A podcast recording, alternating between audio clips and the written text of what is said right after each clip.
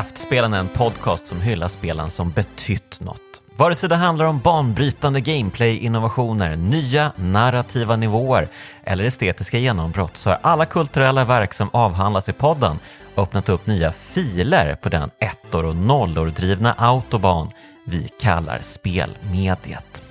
Jag heter Jonas Högberg och idag välkomnar jag tillbaka Jimmy Håkansson till podden. Hej Jimmy! Hej Jonas! Tack så mycket för att eh, jag blev insläppt ytterligare en gång. Ja, du är en av få som uh, lyckats tangera tre besök nu. ja, precis. Ja, men det, det känns... Uh, uh, jag är ärad och ödmjuk inför uppgiften. Mm. Ja, men hur är läget? Vad har du pysslat med på sistone? Jo, men, jo, men det är bra. Det är bra. vad har jag gjort? Jag, ja, skrivit känns det som. Det är väl det jag mm. håller på med på ett eller annat sätt. och överlevt. Det är väl typ det. överlevt, okej. Okay. Ja. ja, det är bråda dagar. Man vet aldrig vad som händer i Göteborg. Eh, spårvagnarna går i stup ett och du måste Precis. spela frogger emellan dem, antar jag. Ungefär så. Eh, föreställ den där Seinfeld-scenen med George Costanza. Mm, som, mm. ja, det är jag i princip. ja, underbart. Uh, ja, men du behöver väl ingen större introduktion. Jag antar att lyssnarna har koll på dig. Du är ju frilansjournalist och uh, ja, du, du är allt möjligt egentligen. Jag orkar inte rada upp allting. Det där får, det där får ni faktiskt ta och kolla upp eh, Precis. eller lyssna på tidigare avsnitt. Helt kan jag, bara, jag kan ju bara vet du, bifoga mitt CV till den här podden på något sätt. Så ja, precis. bara adda mig på LinkedIn eller något. Så, så löser det sig. Yes. Uh, men du, Idag ska ju du och jag och lyssnarna ge oss ut på en härlig våldsodyssé. Um, och den sker i Miami anno 1989. Varför vill du prata om Hotline Miami, Jimmy? Hotline Miami är ju ett uh, väldigt klassiskt indiespel från tidigt uh, tiotal. Och det är också ett spel som har betytt mycket för mig under min ja, spelskribents odyssé på något vis. För det här är ett spel mm. som jag verkligen har eh, liksom vuxit parallellt med. Jag har verkligen följt det här spelet från det att det var i princip en prototyp och mm. träffat skaparna och intervjuat dem under många olika eh, intervaller under hela den här resan. Ah, Okej, okay, vad härligt. Ja, för de som inte har koll då, så eh, kom ju Hotline Miami ut 2012 och eh, är utvecklat av i princip två personer. Jonathan Söderström och Dennis Vedin. Um, och de har ju sin bas i Göteborg där du befinner dig. Um, och uh, så då har det väl varit uh, en barnlek för dig att uh, kila över till dem och köta lite antar jag. Jo men precis. Det var ju, Hotline Miami var ju ett eh, väldigt hypat spel under en ganska lång period. Så jag var ju lite av eh, spelpressens utsände när det skulle skrivas någonting om Hotline Miami. För då gick jag mm. ut iväg och träffade Jonathan och Dennis och, och snackade. Och i, väldigt många olika sammanhang. Jag tror jag var någonstans, någon intervju gjordes um, i eh, Jonathans, eller var det Dennis kök? Och det var ju så här, ja, väldigt, okay. väldigt ungkarlslya. Eh, någon annan intervju som jag minns också väldigt väl var i samband med någon form av spelkonferens i Skövde. Och då var Jonathan och Dennis en utav eh, flera talare, branschtalare om man ska säga. Och mm. Eh, de skilde sig väldigt mycket åt från de andra. För när de stod där framme och skulle föra sin talan Um, så hade de ju typ en kasse med folköl med sig som de höll på att eh, öppna. Och, hade, och, och, ja, det fångar lite, eh, eller sätter lite fingret på vilken typ av människor vi har att göra med. Det är ja. Eh, jag menar inte att de är parkbänksalkoholister, men jag menar att det här är en helt annan typ av spelutvecklare än den vattenkammade um, E3 eh, businessmänniskan så att säga vi har att göra med. Mm, mm, mm. Uh, ja men precis, de, de är ju uh, de är lite punkiga, de är ju lite outsiders. Uh, Jonathan har ju varit liksom indiespels darling sen, ja, men sen, i princip sen han föddes kan jag tänka mig. Um, han uh, har ju liksom skapat enorma mängder indiespel. Uh, har du spelat alla Jimmy? Jag har spelat alla. Nej, det, det, det tror jag inte. Han släppte väl så här helt obscent många uh, indiespel. Och det var ju så kul för det här skedde, liksom hans claim to fame, eller hans resa, hans uh, uppväxt, eller vad heter det, coming of age historia. Det. Mm. det skedde ju ungefär i samband med eh, Flash-spelens utveckling eh, mm. runt 00-talet. Det var ju ungefär då han släppte väldigt många sådana här småspel. Och Flash-spelen mm. var ju sådana spel som du bara kunde spela direkt på webben. Men mm. eh, Cactus, som han kallade sig, Jonathan, han kallade sig för Cactus. Jag vet inte, det kanske du sa tidigare, men det var ju hans eh, eh, pseudonym då. Och han släppte väldigt många små, lite prototypaktiga spel. Påminner lite om, om Flash-spel, men du var tvungen att ladda ner dem för han hade inte gjort dem i Flash. Han hade ju gjort mm. dem i en, eh, ja, ett spelskaparsystem som heter rätt och slätt Game Maker. Ah. Um, och det är ju lite kul för så som jag har förstått, eller nu minns jag inte, kanske borde ha gjort lite bättre research inför det här avsnittet. Borde ju ha läst på mina gamla intervjuer med dem. Men jag har fått för mig i alla fall att eh, Hotline Miami åtminstone delvis gjordes i Game Maker. Eh, mm, jag har ju inte lika bra koll som dig, men jag tror jag läste någonstans att de typ började utveckla i Game Maker och sen insåg att det här funkar ju inte alls. Eh, vi måste ju liksom utveckla på, på riktigt inom citattecken. Liksom. Ja, ja, men det är nog mycket möjligt. De hade väl säkert gjort halva spelet och sen så bara vänta lite nu, vi kanske skulle göra det här på ett annat sätt. Um, men hela den grejen att han gjorde de spelen i Game Maker och att det pågick så länge så att säga. är ju också en sån här väldigt eh, punkig grej på något sätt. Det är ju väldigt do it yourself. För han visade ju i princip att eh, och det, det, var lite det han, han snackade om på eh, just den här konferensen där han var uppe och, och, och drack folköl.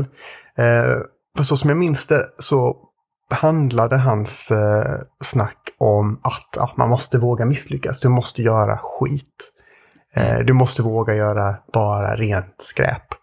Eh, och det var ju någonting som han hade liksom ja, gjort mer eller mindre. För vissa spel var ju kanske inte jättebra, andra spel var ju åtminstone intressanta. Mm. Um, så han, ja, han bara kräktes ju ur sig eh, de här minispelen hur mycket som mm. helst. Och i de här så ser man ju de här beståndsdelarna uh, till det som senare blev Hotline Miami. Ja, men eh, det, det, det, fanns väl till och med ett ganska tidigt spel som han utvecklade som, som Hotline Miami bygger på.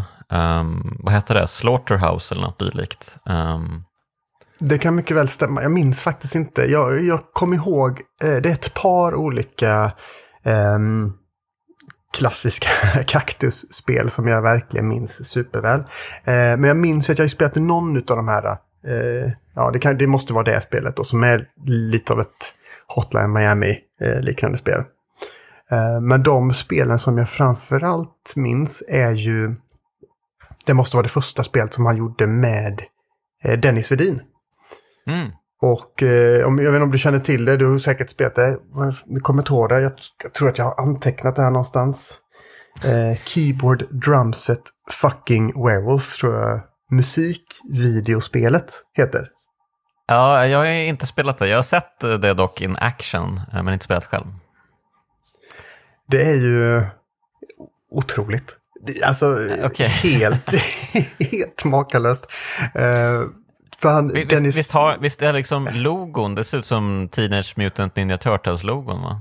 Ja, precis. Eh, ja. Och Dennis band som heter då uh, Fucking Werewolf Asso. Um, och uh, ja, så, av någon anledning så blev, ja, började Jonathan göra det här spelet som också då är någon form av musikvideo. Eller musikvideospel är väl den bästa termen för det. Och det är ju en märklig hyllning och gravplundring av gamla eh, Nintendo 8-bitarspel. Det finns lite så Ice Climber, det finns lite eh, det här gamla 8-bitars, Nintendo 8-bitars spel som heter just Werewolf tror jag. Um, mm, och mm. Eh, lite kontra och ja, massa andra spel som man har plockat ut delar och gjort till en helt absurd eh, ja, våldsodyssé, eh, mm. kaktusstil mm. trogen. Ja, jag hittade spelet nu i mina anteckningar här. Uh, han, uh, jag vet inte om han släppte det här spelet eller inte, men det hette Super Carnage i alla fall. Um, och mm. var väldigt likt uh, Hotline Miami, liksom i stil med um, top-down och så ser man massa olika rum och så rör man sig mellan rummen och skjuter fiender och sådär.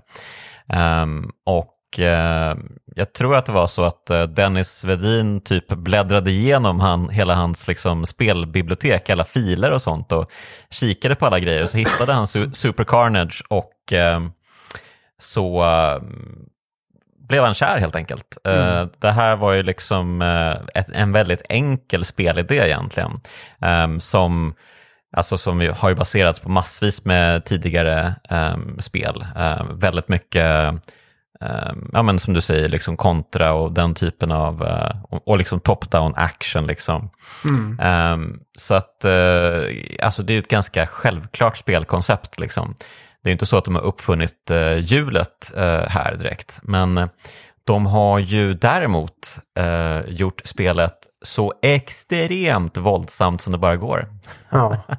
Nej, men det är ju så det, det som är lite intressant med dem är att nej, de har ju inte uppfunnit hjulet, men de har stulit hjulet. Eller de har ju gjort, de har ju, de har tagit, de, ja, de har inte uppfunnit elden, men de har stulit elden och tänt eld på personen som ägde eldens hus. Um, lite så punkiga är de och när man mm. kollar man på det, det känns, även om, ja det är klassisk gameplay, men um, trots det så tycker jag att det känns väldigt unikt. Eh, det känns väldigt sådär eh, antispeligt samtidigt som det är ju i grunden en Twin Stick Shooter som var en ganska populär genre där i eh, slutet av 00-talet ungefär. Mm. Och det och går ju ännu längre, längre, än, ännu längre tillbaka än så om man vill till typ Space War i princip. Mm. Um, om man ska till de old school, old school top-down shooters. Um, ja. Så det finns ju ändå någon känsla för uh, sin historia där. Ja, men de har ju pratat, uh, Dennis och Jonathan, om att uh, alltså, de har ju influerats av allt möjligt när de gjorde Hotline Miami. De har influerats uh, storymässigt av David Lynch um, och um, även av filmen Drive som ju var väldigt populär där i eh, slutet på 00-talet, början på eh, 10-talet. Mm. Osäker på exakt när den kom egentligen, men det var då i den svängen tror jag. Ja, ja men den kom ju 2011, Nicolas Winding Revns eh, Drive. Mm. Han, mm. Kanske framförallt känd, innan dess känd för Pusher-trilogin. Mm. Eh, danska regissören. Och Hotline Miami känns ju extremt mycket som Drive i tonen. Mm. Eh, men också det här neon, neonestetiken och själva musikvalet, eh, att det är den här um, vad ska man säga, synthwave-känslan. Att det är mm. 80-tals syntpop fast i ett moder modernt eh, neonfilter i princip. Mm. Så de är ju mm. superinspirerade av eh, Drive på alla sätt och vis. Men jag tänker just handlingen, för det finns ju en eh, lite av en 90-tals mindfuck-känsla till Mm. Själva liksom handlingen som sådan. Och den påminner nästan mer om, ja, tycker jag, Fight Club och kanske eh, Jacobs mm. Ladder. Där man inte riktigt ska lita på det som sker. För det händer mm. ju saker. Det, vad ska, man, ska man berätta kanske lite mer? Vad är, vad är själva konceptet för spelet? Um... Ja, precis. Eh, det, man är ju en, en, en person då som i spelet inte har något namn, men som jag har förstått det som att liksom spelarna själva har namngett och, och sagt att eh, ja, men han heter Jacket för han har en cool läderjacka typ. Um, och så den här Jacket, han får ett telefonsamtal Um, I början av spelet, um, ja nu kommer kakorna här, de är på ingång. Jaha, okej, okay, va? Och sen så landade en, en um, kappsäck med uh, vapen och uh, djurmasker till honom. och eh, andemeningen är helt enkelt att han ska ge sig ut och eh, slakta. Mm. Um, och uh, han får ju alltid en adress med de här telefonsamtalen som man får. Uh, inför varje uppdrag så uh, är man i hans lägenhet um, och går runt lite och så ringer telefonen och så svarar man och så säger de eh, på andra sidan linjen att eh, ja, men skulle du kunna gå och städa upp lite på den här adressen? Eller oj, vi behöver någon som kan eh, fixa cateringen på det här stället. Alltså någonting, ja, kodord helt enkelt för att ja, men skulle du kunna gå dit och döda allt som andas och rör på sig. Precis. Um, så det, det, är ju det som är handlingen i stor del eh, de första uppdragen. Eh, det händer inte så mycket, förutom att man får lite så märkliga psykedeliska syner ibland också. Eh, där man pratar med djurmaskerna. Mm. det gillar jag, den, den biten. Ehm, och de, de, får ju verkligen egna personligheter också, de här djurmaskerna. Ehm, det är ju, det är ju någon um, tuppmask som känns väldigt så här märklig och anklagande och sen är det någon uggla som är verkligen liksom eh, fientlig och det känns som att det bara osar våld om den. Och sen är det även en, en hästmask som är lite mer low key och lite mer Hastamaniana-stil på. Liksom. Mm. Um, så att uh, de, de, de brukar ha lite samtal med uh, spelarkaraktären. Um, och eh, ja, men det är tydligt att eh, allt inte står rätt till med eh, Jacket. Han ehm, kanske är stenhög på kokain, det är ju ändå Miami 1989. Um, ehm, han kanske har förgiftats eller så kanske de här subliminala meddelandena via telefonen har påverkat honom. Um, det är i alla fall någonting som får honom att bli väldigt våldsam och åka till olika adresser i Miami och eh, ja, men go bananas. Ja, och den, eh, just den första hälften är ju starkast storymässigt, tycker jag. Uh, mm. När man hela tiden gissar, vad, vad är det egentligen som pågår där? De här samtalen som du säger, de är insinuanta. Uh, man, de säger någonting som, jaha okej, okay, de menar nog det här. Men som du säger, de, de, säger all, de talar ju aldrig klarspråk. Så det finns ju ingenting som faktiskt kan leda tillbaka till att nej men de här rösten i telefonen sa åt mig att göra det. Um, mm. Så det kan ju bara vara så att uh, han är en, uh, vad ska man säga, en person som gör, egentligen borde göra ströjobb men gör något helt annat istället. Um, och handlingen i spelet sker ju väldigt mycket i de här eh, scenerna, små, små, små scener mellan de olika banorna då. Där han mm. exempelvis går till eh, närbutiken eller hyrfilmsbutiken och så träffar han alltid på samma eh, butiksinnehavare. Mm. Och jag är ganska säker på att personen i fråga ska föreställa Niklas Åkerblad som har varit med i kraftspelen tidigare. Ja, jo men eh, han sa ju det själv när han var med också. Ja, att, eh, mm. ja, ja visst, den karaktären är baserad på mig. Eh, ja. Jag tror att han kallas Beard, men det är väl också spelarna som har eh, namngett den karaktären. Ja, men det, är fint och, och, och, tydligt på något sätt. Mm. Um, och, och, som sagt, det är så konstigt för han, han bjuder ju alltid på allting hela tiden. Och den där personen jobbar på alla ställen överallt. Uh, och där, det är där det är intressant på riktigt när det är bara så otroligt märkligt surrealistiskt. Um, mm. Och sen efter ett tag så är ju han ersatt. Jag tror att han blir mördad av någon av de här goonsen som man själv då um, ska ha ihjäl i de här uppdragen. Mm. Man kan väl säga det att allt är inte kristallklart exakt vad det är som händer. Eller, jag tror inte heller det är tanken att man ska veta exakt uh, vem som gör vad eller vad som har hänt. Men han dör i alla fall och uh, ligger liksom, hans blodiga lik ligger ju där inne. Samtidigt som det är någon annan bakom kassan och bara, vad fan, vad kommer du hit för? Tror du att du ska få allmosor här eller stick? Mm. och då får han ju ingenting längre. Um, så att det är ju ja, det är något som har hänt där och eh, någon sorts eh, eh, övergång sker här. Eh, hans, han börjar väl liksom kackelera eh, ja. psyket. Ja, men precis. Och sen samtidigt också så har han ju, eh, ganska tidigt i spelet så har han ju stött på en eh, kvinna, antagligen prostituerad. Man får lite av den känslan. Eh, som mm. sen får sova över i hans lägenhet. Eh, och sen så, ja, per, eh, efter varje vad ska man säga, bana så märker man ju att de, de närmar sig på något sätt. Att först så sover hon på soffan och sen efter ett tag sover hon i samma rum och sen efter ett tag så har de skjutit ihop sängarna. Eh, så att det liksom mm. ska finnas någon form av kärlekshistoria där. Eh, ja. Ganska traditionell eh, mm. kanske, men en, lite kreativt berättat. Eh, mm. Och sen så blir det ju som så, nu kanske jag hoppar händelserna i förväg, men hon blir ju skjuten också i en mm. av mellansekvenserna. Och ja. Ehm, där någonstans märker man ju att ingenting riktigt stämmer. Um, mm. Och då finns det ju en bana där, eh, trauma, eller går ännu mer händelserna i, i förväg.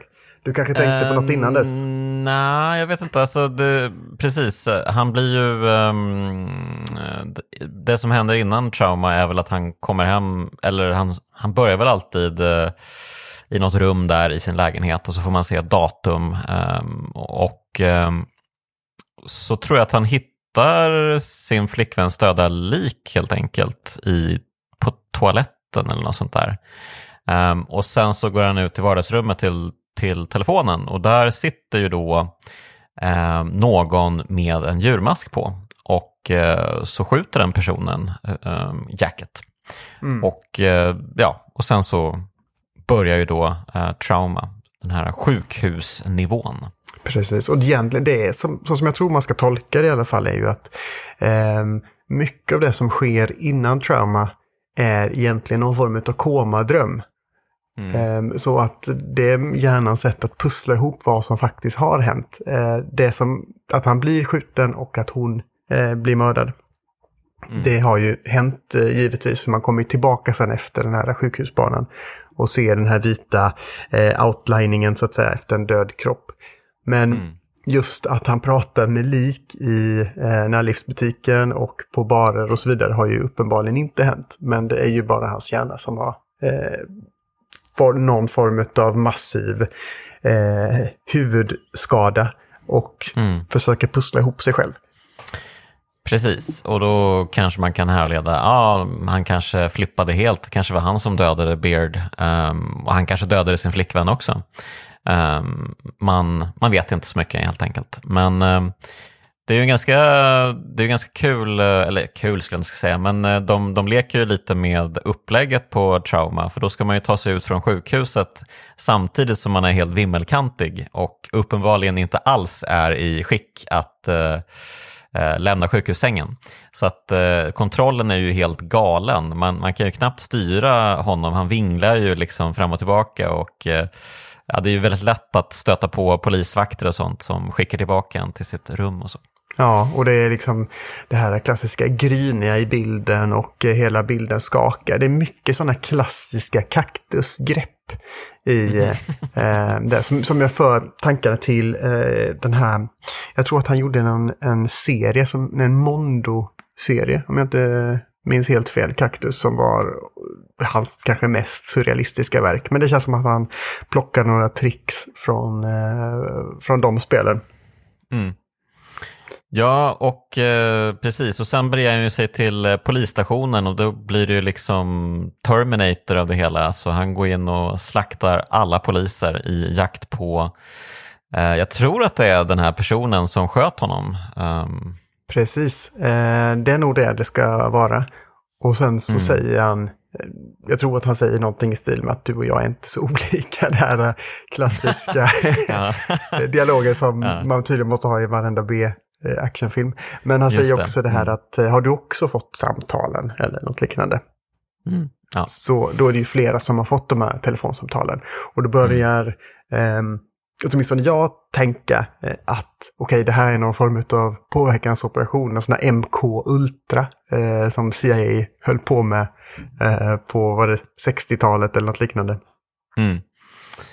Ja, eh, och det, det hade det kunnat vara. Men eh, man får, ju faktiskt, eh, man får ju faktiskt svar i det här spelet, vilket jag kan tycka är lite tråkigt. Ja, det är det handlingsmässigt så är ju Hotline Miami mest intressant, ja, kanske till strax till ungefär den här punkten där vi är nu. För eh, det som sker från och med detta är ju att den blir väldigt rak i, i sin berättelse. Nu är Mm. det ju bara en hämndhistoria hela vägen in i kaklet. Precis. Ehm, han blir ju, eh, alltså här blir han ju nästan Scarface-aktig. Han söker upp sina eh, rivaler, fast ja, det är ju ryska maffian då som är någon sorts eh, antagonist då, som de här telefonsamtalen har velat eh, sätta ur spel helt enkelt. Ehm, så att han beger sig ju till maffialedarna och dödar allt och alla.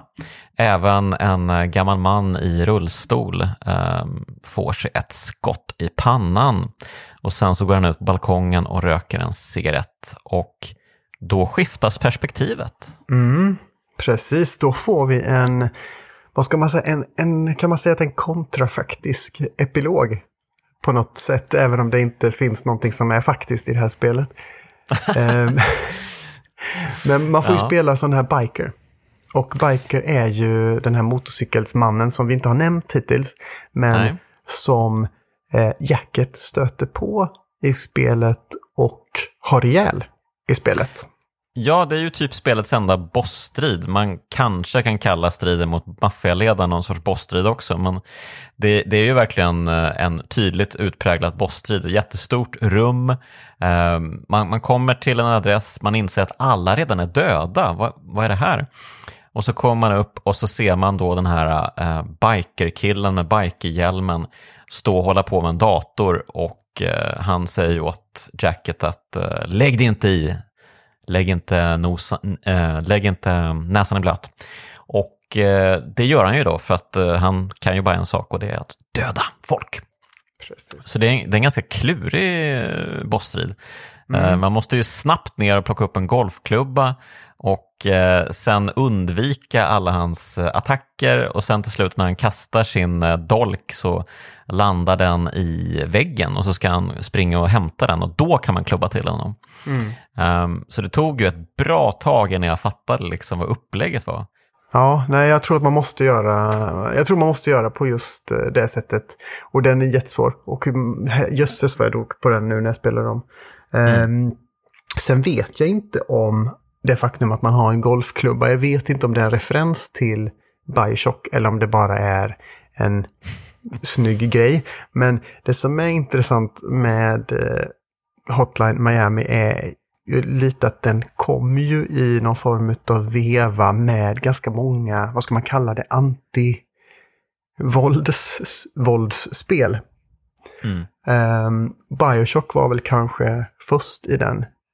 För där um, stöter man ju på den här, eh, ja, Andrew Ryan som skapar den här underjordiska ehm, underjordiska utopin så att säga. Som man tror är liksom sista bossen och eh, då har man ihjäl honom med en golfklubba och man gör ju det mot sin egen vilja för det finns ingen fri vilja är väl Mm. poängen. Eh, och då blir det lite spelkritik också. Men Hotline Miami fortsätter lite på den traditionen och ungefär samtidigt så kom ju även eh, Spec Ops The Line Mm. och några år efter det så tänker jag på This War of Mine. Som alla är liksom en, eh, vad ska man säga, en kvartett av spel som åtminstone försöker ta ett grepp på spelvåld och ifrågasätta, är det så sunt att vi håller på med det här egentligen? Mm. Ja, eh, jag, vet inte hur mycket de faktiskt har tänkt sig att det ska vara en kommentar på spelvåld. Um, Jonathan och Dennis, har de pratat något om det? Um, rent uttryckligen? Ja, när jag, när jag har pratat med dem så eh, har de sagt att det skulle vara det i alla fall. Och eh, det klassiska är väl det här att var, efter varje bana så har man ju slagit ihjäl ganska många människor och de ligger ju i högar och i delar och eh, blod är överallt. Eh, efter banan är klar så är den ju inte bara ja, färdigt, hej då. Utan då ska man gå tillbaka hela vägen tillbaka i, i, i liksom blodet och se all den förödelse som man har orsakat. Och den delen behövs ju inte. Det, det enda syftet den Mm. har är att man ska liksom få någon form av tankeställare. Ja. Ehm, och Viktigt också att musiken slutar sekunden du har dödat den sista mm, skurken. Ja, ja men precis. Det är ju lite som att man är på dansgolvet. Eh, De spelar disco och det är Mm. nedsläckt. Och sen så slu- efter sista låten så, släck, eh, så tänder man och stänger av musiken. Och då liksom blir alla som vampyrer som skyr eh, solen i, i princip. Ja, Ehm, ja. Och jag kan ju tycka både och att det funkar och att det liksom det inte, det inte funkar. Det är på Mm, något sätt mm. att man ger någon en hamburgare och sen efter den personen ätit upp den så fatshamear man den för att aha, typ säga att äta en hamburgare. Mm. Ja. Jo, jag förstår vad du menar. Eh, det, det är jättesvårt det där att, eh, att liksom, ja men här har ni ett jättekul spel som handlar om att slakta folk på extremt, extremt våldsamma sätt. Men tänk, tänk er för, det är inte så bra va? Det blir, ju, det blir ju jättemärkligt, det blir verkligen skumt hela det upplägget. Ehm, men ehm, ja, det, för jag tänkte också på det här, det, det är många som eh, har jämfört Hotline Miami med till exempel Manhunt. Mm. ehm, Rockstar-spelet där, som går ut på att man ska döda folk på groteska sätt. Ehm, och det är ju... eh, det är ju inte, är ju inte speciellt kul spel, ska jag säga. Hotline Miami är ett jätteroligt spel. Men det finns ju, man skulle väl kunna hävda med, med lite välvilja att det också är en kommentar på uh, våldsspelen.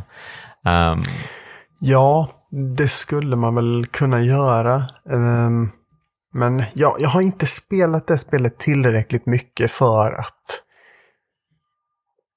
kunna komma med en analys faktiskt. Absolut inte. Eh, men rent nej. spontant av det lilla jag spelat så känns det som att det mer är ehm, ja, men den klassiska ehm, Rockstar-satiren. Att det är Mm. inte nödvändigtvis jätteklyftigt, klyftigt, utan det är ganska, Nej. ganska platt.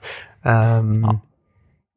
Jo, men precis. Eh, det, alltså, precis. Det känns ju mer som, ehm, det känns som ett ganska groteskt eh, skräckspel, som ett såspel snarare, um, än Hotline Miami känns ju, ja, men som vi var inne på, det känns ju som Drive egentligen. Bara det att det är målat med eh, blodröd färg.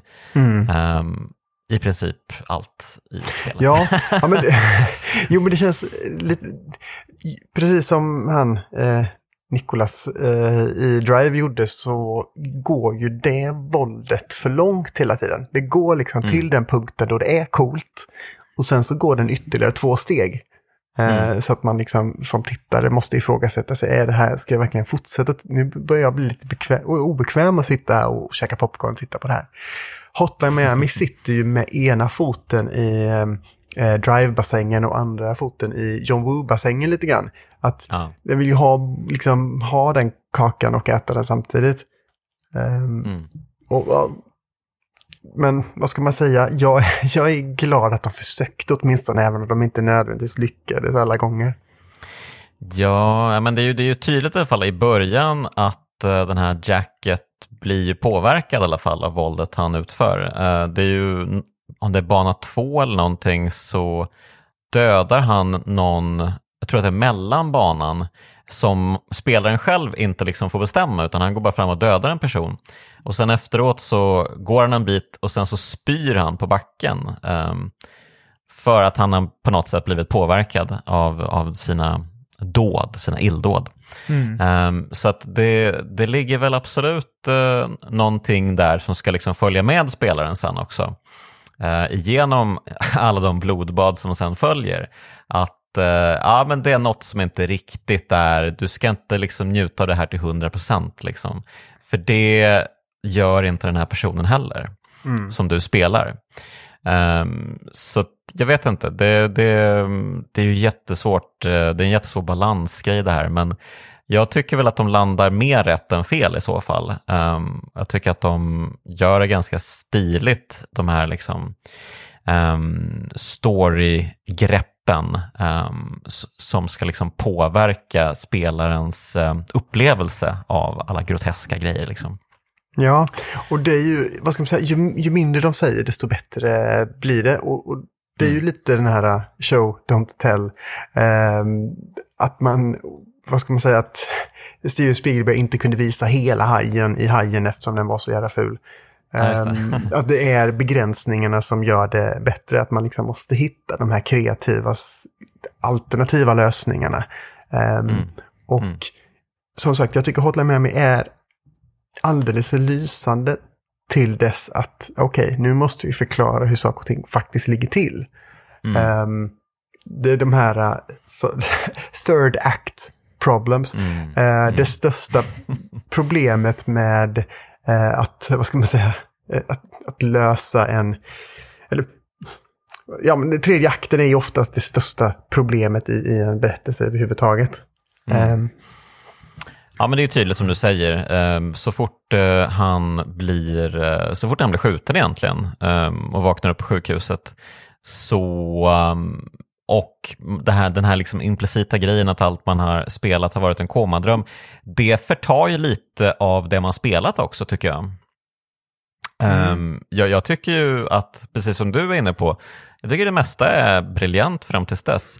Men sen det greppet, det brukar göras så mycket, så mycket fel för för kultur i största allmänhet, liksom, att liksom implicera att, ja men hela det här att, eh, att, att eh, Bobby vaknar upp i Dallas och bara åh, allt var en dröm, jag lever ju faktiskt. Eh, det, allt är roses liksom. Det förtar så mycket av det man redan har liksom skapat och Ja, det kanske är subtila skillnader. Allting kanske har hänt ungefär precis exakt så som vi har spelat. Ehm, men ja, eller inte kanske, jag vet inte. Men ja, precis. Så att, eh, jag, jag hade sett, gärna sett mer av de här liksom, um, hallucinationerna som, som han har får. Liksom. Och inte att de förklaras så mycket heller, utan att det blir i så fall mer eh, David Lynch, mer Twin Peaks säsong 3 i så fall. Liksom. Eh, även om den inte var ute vid det här tillfället. Då, men, mm. ja. Nej, men precis. Eh, men det som, är, det som ändå är lite intressant med den här um, biker-epilogen, när man får spela som den karaktären, är mm. ju att man, man får ju återigen uppleva den här um, bossfighten, så att säga, med um, med Jacket. Mm. Men med en twist då. Den här gången så är det ju Biker som dödar Jacket. Mm. Och så fortsätter historien på ett annat sätt istället. Och det tyckte jag mm. var lite intressant, för då börjar man ja. vänta lite nu, vad, vad, är det som är verkligt egentligen? Vad ska jag ifrågasätta och så vidare. Mm. Um, och det visar sig att då Biker har ju också fått de här telefonsamtalen. Uh, och då så ska han då spåra själva källan till hela eh, ja, vad är roten till problemet, eller vad man ska säga. Mm. Personerna som gör telefonsamtalen helt enkelt. Ja. Um, och uh, det, ja, det, när, man, när jag tänker på det så är det ju så himla B verkligen. Uh, han, han, upptäcker liksom en, um, han knappar ju in på en dator och sen så öppnas det någon lucka tror jag. Och så klättrar han ner liksom i någon källare um, och där stöter han på uh, två städare som man har sett genom spelets gång, liksom när man passerat eh, i byggnader Uh, där man typ inte, liksom, här kanske man inte ska döda uh, liksom folk direkt, man kanske bara ska passera igenom den här liksom, uh, delen av byggnaden. Och då kan det liksom stå en städare där och putsa och feja. Och då har det varit de här två typerna då, som alltid har befunnit sig lite i bakgrunden och som visar sig ligga bakom allting ja. såklart. det var städarna all along. Exakt, och jag kan ju jag kan både tycka att det är jättelarvigt och jag kan också tycka att det finns liksom eh, ett roligt inslag i det. Och det absolut roligaste inslaget är ju att det är ju Jonathan och Dennis själva som är de här städerna. um, så det, det, roliga är ju liksom att ja, men de som eh, ligger bakom allt det här är spelutvecklarna. Um, och då kommer mm. jag att tänka på den här um, eh, Mikael Hanekes film Funny Games. Ah. Eh, där ja, det sker Den, massa den, am- den amerikanska eller originalet? Ehm, jag minns inte originalet. Eh, faktiskt, jag minns faktiskt mer den amerikanska versionen. Jag vet tusan om jag ens har sett klart på originalet tillräckligt mycket. Mm. Ja, de är ju Ehm. extremt lika, alltså Haneke är ju väldigt speciell alltså. Ja, jo, det är jättemärkligt. Men det som jag minns i alla fall är ju den här scenen där de faktiskt kan pausa allt som sker Mm. med en DVD-fjärrkontroll eller liknande. Eh, och, och det är ju en referens, det, det är ju, man talar till tittaren att ja, det är massa hemskheter som sker här, men det är ju ditt fel. Du är ju du som fortsätter titta på det här. Det är du som, eh, bara Mm. genom att du, eh, du kan stoppa våldet genom att trycka på paus eh, på något Mm. sätt. Men då blir det Mm. lite så här att ja, okej, jag, jag tittar på det här, men det är du som har skapat det här. Vem är det som är den största boven i, i dramat? Vem är det som är förövaren egentligen? Ja, precis. Ja, och i den här scenen så säger de ju lite grann att ja, eh, det var ju dumt att du har mördat så himla många gånger, eh, många eh, påhittade människor och vadat i deras blod. Eh, men vi är ju lite skyldiga i det här också. Ja ja, det är sant. Ja, men det är lite gulligt. Eh, precis. Ja, men eh, det är ju så det ska vara med eh, B-film. Det ska vara både fruktansvärt eh, klichéartat och eh, cringe samtidigt som det ska kännas lite awesome samtidigt. Liksom. Ehm, och, men alltså, eh, själva gameplayet i sig, det är ju ingenting annat än awesome. Alltså det här är ju ett av de absolut roligaste spelen jag kan tänka mig nästan. Ehm, det är ju så utsökt eh, utvecklat allting. Och jag, jag, vi måste prata lite om just liksom gameplay-delen, för det är ju verkligen Visst, det, det är ju ett um, handlingen och allt det där, det, det är ju fint och så, men det, det, är, bara, det är bara fluff. Eh, det är själva slaktandet som är grejen, Jimmy. Och eh, jag måste säga att jag tänkte jättemycket på just uh, fiende-AI i spelet. Ehm, för det känns som att de har lagt jättemycket fokus på den. Eh, för att den är både dum och smart. Ja. Förstår du vad jag menar? Ja, jo, Ja. Jag, jag förstår absolut eh, vad du menar. Och eh, Mm. ja, men stundtals så blir man ju nästan, nästan skrämd av hur eh, läskiga de kan vara. Mm. Eh, och stundtals blir man skrämd av hur korkade de kan vara. Ehm, Mm. Och deras största, eh, liksom, vad ska man säga, deras eh, absoluta svaghet, det är ju ehm, precis svängen i, i en, en, vid en dörr så att säga. Där Mm. kan man ju stå och veva med ett järnrör. ja, precis. Ja. det, det är som att de, ehm, precis, deras, peripheral eh, view, de- den kan omöjligen snappa upp någon som står lite vid sidan om en dörröppning och bara står och vevar. Ja, det är helt... det är fantastiskt. Ja, Eh, och samtidigt eh, så kan den ju helt plötsligt bara liksom spotta en när man är ute och går lite jättelångt bort. Bara, va? Ja. Där är han! Skurken! Spring! Alla! Kom! Och så kommer det liksom ett gäng på fem, sex pers liksom med eh, hagelbrakare och eh, katanasvärd och liksom, ja, tack för mig. Nu, nu är det bara att lägga benen på ryggen. Mm. Och det, fast det tycker jag i och för sig funkar ganska bra i Hotline Miami 1. Det sker ganska sällan för de har ju eh, själva miljöerna, banorna är ganska begränsade. Det, man är ju hela tiden inomhus, man är, det finns väggar, det finns rum. Ehm, Ja. i, vi ska inte prata om Hotline Miami 2, men man kan ju nämna att i Hotline Miami 2 så är det ju väldigt mycket mer, eh, det är ju bigger, better, more badass som man brukar säga om eh, Ja, just det. traditionella uppföljare. Att genom att bara tillföra mer så blir det bättre.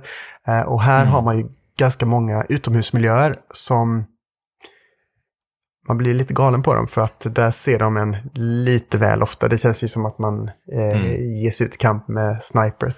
Men ehm, ja, absolut. Men min taktik, när, jag, när det blev lite för tufft för mig i Mm. Hotline Miami 1 nu när jag försökte spela om det då, var ju den här titt ut eh, titt ut eh, strategin. Att jag bara går in i ett rum och sen så bara vända och sen så har jag en sån här, ehm, vad heter det, ett Ben Hill-tåg efter mig och så står jag där i hörnet och bara vevar ihjäl dem. Mm, ja, jag, jag, jag, jag erkänner, jag använde den taktiken på poli, polishuset. För ja. där var det ganska knepigt när man väl kom in i stora eh, salen och eh, det är ju eh, alla liksom eh, alla rum vid sidorna, de har ju liksom eh, fönster och fönstren innebär ju att fienden kan se en genom fönstren och skjuter mm. genom fönstret så man dör. Um, så att uh, då måste man ju uh, krama väggarna eller, eller ja, man kan aldrig liksom veta heller, för man ser ju liksom inte hela banan i mm. ens vy, så man kan ju omöjligen veta exakt eh, om fiender kommer längre ner, liksom, eh, som helt plötsligt bara skjuter en pangbom. Ja, så man måste ju vara så jävla försiktig stundtals och ibland så måste man ju vara så himla reckless och verkligen bara släppa allt och bara okej, okay, vi kör väl Carnage då. Ehm, så att jag tycker att det är en sån härlig blandning av, av strategielement, eh, taktik, rävspel, ehm, twitch-reflexer och eh, alltså bara eh, jävla mod att bara ge sig ut och, och, och, försöka göra liksom det där galna och skjuta folk till höger och vänster. Mm. Um, och sen är också bandesignen är ju verkligen briljant. Uh, det är så många roliga banor i det här spelet som uh, jag känner att jag vill återbesöka och försöka fixa A plus betyg på allting. Liksom. Ja, um, ja men det är ju det är ganska få, um, vad ska man säga, få medel man har eh, till sitt förfogande. Men använder man dem på rätt sätt så kan det verkligen bli som en dans, typ om att man Ehm, väntar tillräckligt, liksom vänta in så att det är en fiende ha, står precis vid en dörr. Man springer in där, sparkar in dörren så att den personen trillar ner. Men fortsätter springa fram till den andra fienden som fortfarande är eh, vad ska man säga, med medvetande, slår ner den, tar upp pistolen och liksom bankar ihjäl den. Sen så springer tillbaka till den andra och typ eh, eh, ja, stampar huvudet på, på den. Och sen så skjuter rätt genom ett fönster. Och sen så, ja, det är ju mm. så många. Och sen så när skotten är slut då kastar man ju vapnet på en fiende. Ja. Springer dit, tar det vapnet och ja, det är ju som en blodig stafett där alla är mot alla på något sätt. Mm. Ja men precis, det är ju, det är ju eh, både fruktansvärt och eh, väldigt härligt att eh, liksom ens eh, spelarkaraktär är ju precis lika sårbar som alla eh, vakter eller skurkar på banan. Man är ju ingen superhjälte utan eh, man, kan ju, man dör ju av ett skott i princip. Och, eller en, en klubba i huvudet. Eh, då är det ju kört. Eh, även om de här eh, maskerna kan ju påverka lite också, för de ger ju en lite perks och sånt för banorna. Någon mask tror jag till och med kunde neutralisera ett skott, mm. extremt användbart. och sen så någon mask kanske ger en ett startvapen också, för annars så startar man ju varje bana obeväpnad och måste börja med att gå in och knocka fienden med nävarna och plocka deras vapen och sådär. Ja, precis. Ja, nej men eh, fantastiskt. Eh, enda riktiga, så här, va? Vad är det som pågår? Eh, jag förstår ingenting. Det fick jag på bana 4 eh, när det är någon som har eh, booby-trappat eh, ett rum med två dörrar. Eh, det är någon som sitter och har någon sorts ehm, eh, tortyr, utför tortyr på någon som sitter i någon sorts elektrisk stol. Ehm, det är en jättemärklig scen. Eh, och alltid när jag liksom, okej okay, nu, nu har jag dödat allt här, jag får väl gå in genom dörren då och se vad som händer. Så bara, boom, sprängs hela rummet eh, med mig också. Då. Ja, eh, så det tog, det tog mig jättelång tid att förstå att jag faktiskt skulle skjuta på dörren eh, så att rummet sprängs, men jag kan då stå en bit bort i säkerhet. Um, så att, ja, det är lite sådana grejer också på banorna. Ibland ska man plocka upp vissa föremål och sådär. Det är inte bara slakt, slakt, slakt precis hela tiden. Um, men uh, ja, de, de, de uh, skapar en härlig balans i allting tycker jag. Mm. Uh, ändå. Eh, sen ett, en annan detalj som gör väldigt mycket, som tillför extremt mycket, är ju musiken och musikvalet. Mm. Ja där har de verkligen lyckats sätta fingret eh, på någonting. För när det, när det kom Hotline Miami och man hörde liksom den här, eh, jag tror det är Sun Ara som har den här i, i titel spåret, så att säga, precis när man sätter igång det. Mm. Så inser man, okej, okay, det, här, det här är någonting lite annorlunda än vad jag är van vid. um, ja, men det kändes ju som att ah, de hade lagt ner extremt mycket tid på att hitta, hitta rätt låtar. Um, och som passade väldigt bra och som, som andas den här ja, drive-estetiken. Det är ju liksom... Det känns retro, det känns modernt och det känns dekadent. Eh, och psykedeliskt på samma gång. Och mm. ja, det är otroligt bra. Det finns ju dock en låt som heter Hydrogen med Moon. Som mm. är eh, fullständigt outhärdlig. Och det är ju bara hela tiden. Och ah, just det. Mm. Spelet är stressigt. Det är ju överlag liksom hög BPM kanske, men det är ja, blodtrycksnivån är ju ja, through the roof med den låten. verkligen, verkligen. Uh, ja, nej men verkligen. Det, det, är ett spel som verkligen uh, jackar in i en ven liksom. Och uh, det är ju precis det kokain som Miami dränktes i på 80-talet. Så att, ja, ja, det är ju väldigt passande faktiskt. Um, Ja, nej men eh, där har vi kanske täckt eh, spelet.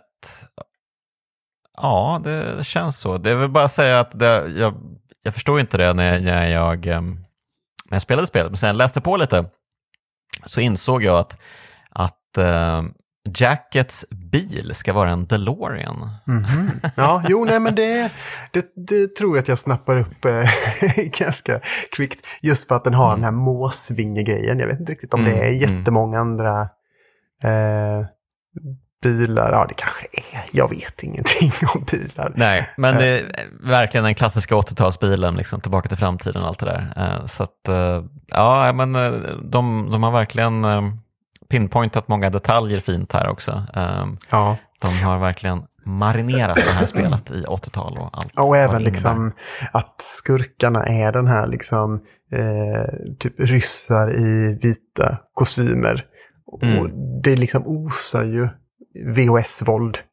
Det är ju verkligen som Scarface-känsla. Och, ja. eh, eller sån vad ska man säga, B-filmskopia av Scarface-känsla på ett väldigt mm. positivt och härligt sätt. Ja, nu när jag tänker på det så John Wick-filmerna känns ju extremt mycket som Hotline Miami. Uh, alltså med tanke på hur mycket våld det är i de filmerna uh, så känns ju det som en värdig uppföljare till Hotline Miami. Absolut. Alla dessa headshots uh, i de filmerna. Mm. Kanske blir deras Denatons nästa spel, för nu har de inte släppt någonting på ett mm. ganska bra tag. Så de kanske sitter ja, och jobbar precis. på ett John Wick-spel. Precis, eh, Hotline Miami 2 kom väl 2015 och sen så kom det ju en samling som jag är lite osäker på om de har någonting med, med saken att göra eh, till när båda spelen kom liksom i en, eh, i en kombo där. Mm. Men så att sen dess har de suttit och mm, kokat något. Mm. Jag vet inte om det är meth eller ja. någon liknande, kanske gått vidare från kokain nu då. Ja, Men, det hade varit on brand i och för sig. Precis, vad är det de kokar i Göteborg? Denaton Games. Mm. Ja, det är lustigt för jag minns ju att när de väl, eh, jag minns ju tillståndet när de väl höll på med Hotline Miami. De, det var ju verkligen ett spel som de trodde extremt mycket på. Eh, och, och mm. det var ju i, de levde ju nästan i, på existensminimum. Eh, ja, och, och liksom käkade ju torra nudlar varje dag i princip. Och, mm. Ehm, och sen efter det så tror jag väl att de mådde ganska bra. Jag vet att Dennis köpte väl någon sån här äh, helt absurd, äh, vad heter det? Sån amerikansk muskelbil med flames. så jag oh, Som wow. var en riktig drömbil kan jag tänka mig. Ja, det, det är lustigt alltså. När, när man ser bilder på Dennis så, så känns han inte så mycket liksom um, elektronika och så. Han, han, ser lite mer ut som en hårdrockare nästan och om köper man en bil med flames då är man ju hårdrockare. Men ja. Uh, ja, ja, vad härligt. Förresten, har, fick du läge att spana in Dennis Vedins Mega Drive när du besökte dem? Oj! Eh, det, det, är möjligt att den flashade förbi där någonstans. Just det, det var... Mycket har sagts om Dennis Wedins Vegan Drive. Ja, just det, nu minns jag faktiskt det avsnittet. Eh, running gag som aldrig tar slut. Uh, får jag med Dennis någon gång i kraftspelen? ja, men det tycker jag, det tycker jag det hade varit uh, asnice. Mm. Så om du lyssnar på det här Dennis, du är inbjuden och uh, Jonathan också. Um, ja men uh, Jimmy, ska vi ta och sammanfatta det här då? Varför tycker du att Hotline Miami är ett kraftspel? Nu borde jag ju förberett någonting elegant. Eh, min vana trogen så har jag absolut inte gjort det. Men mm.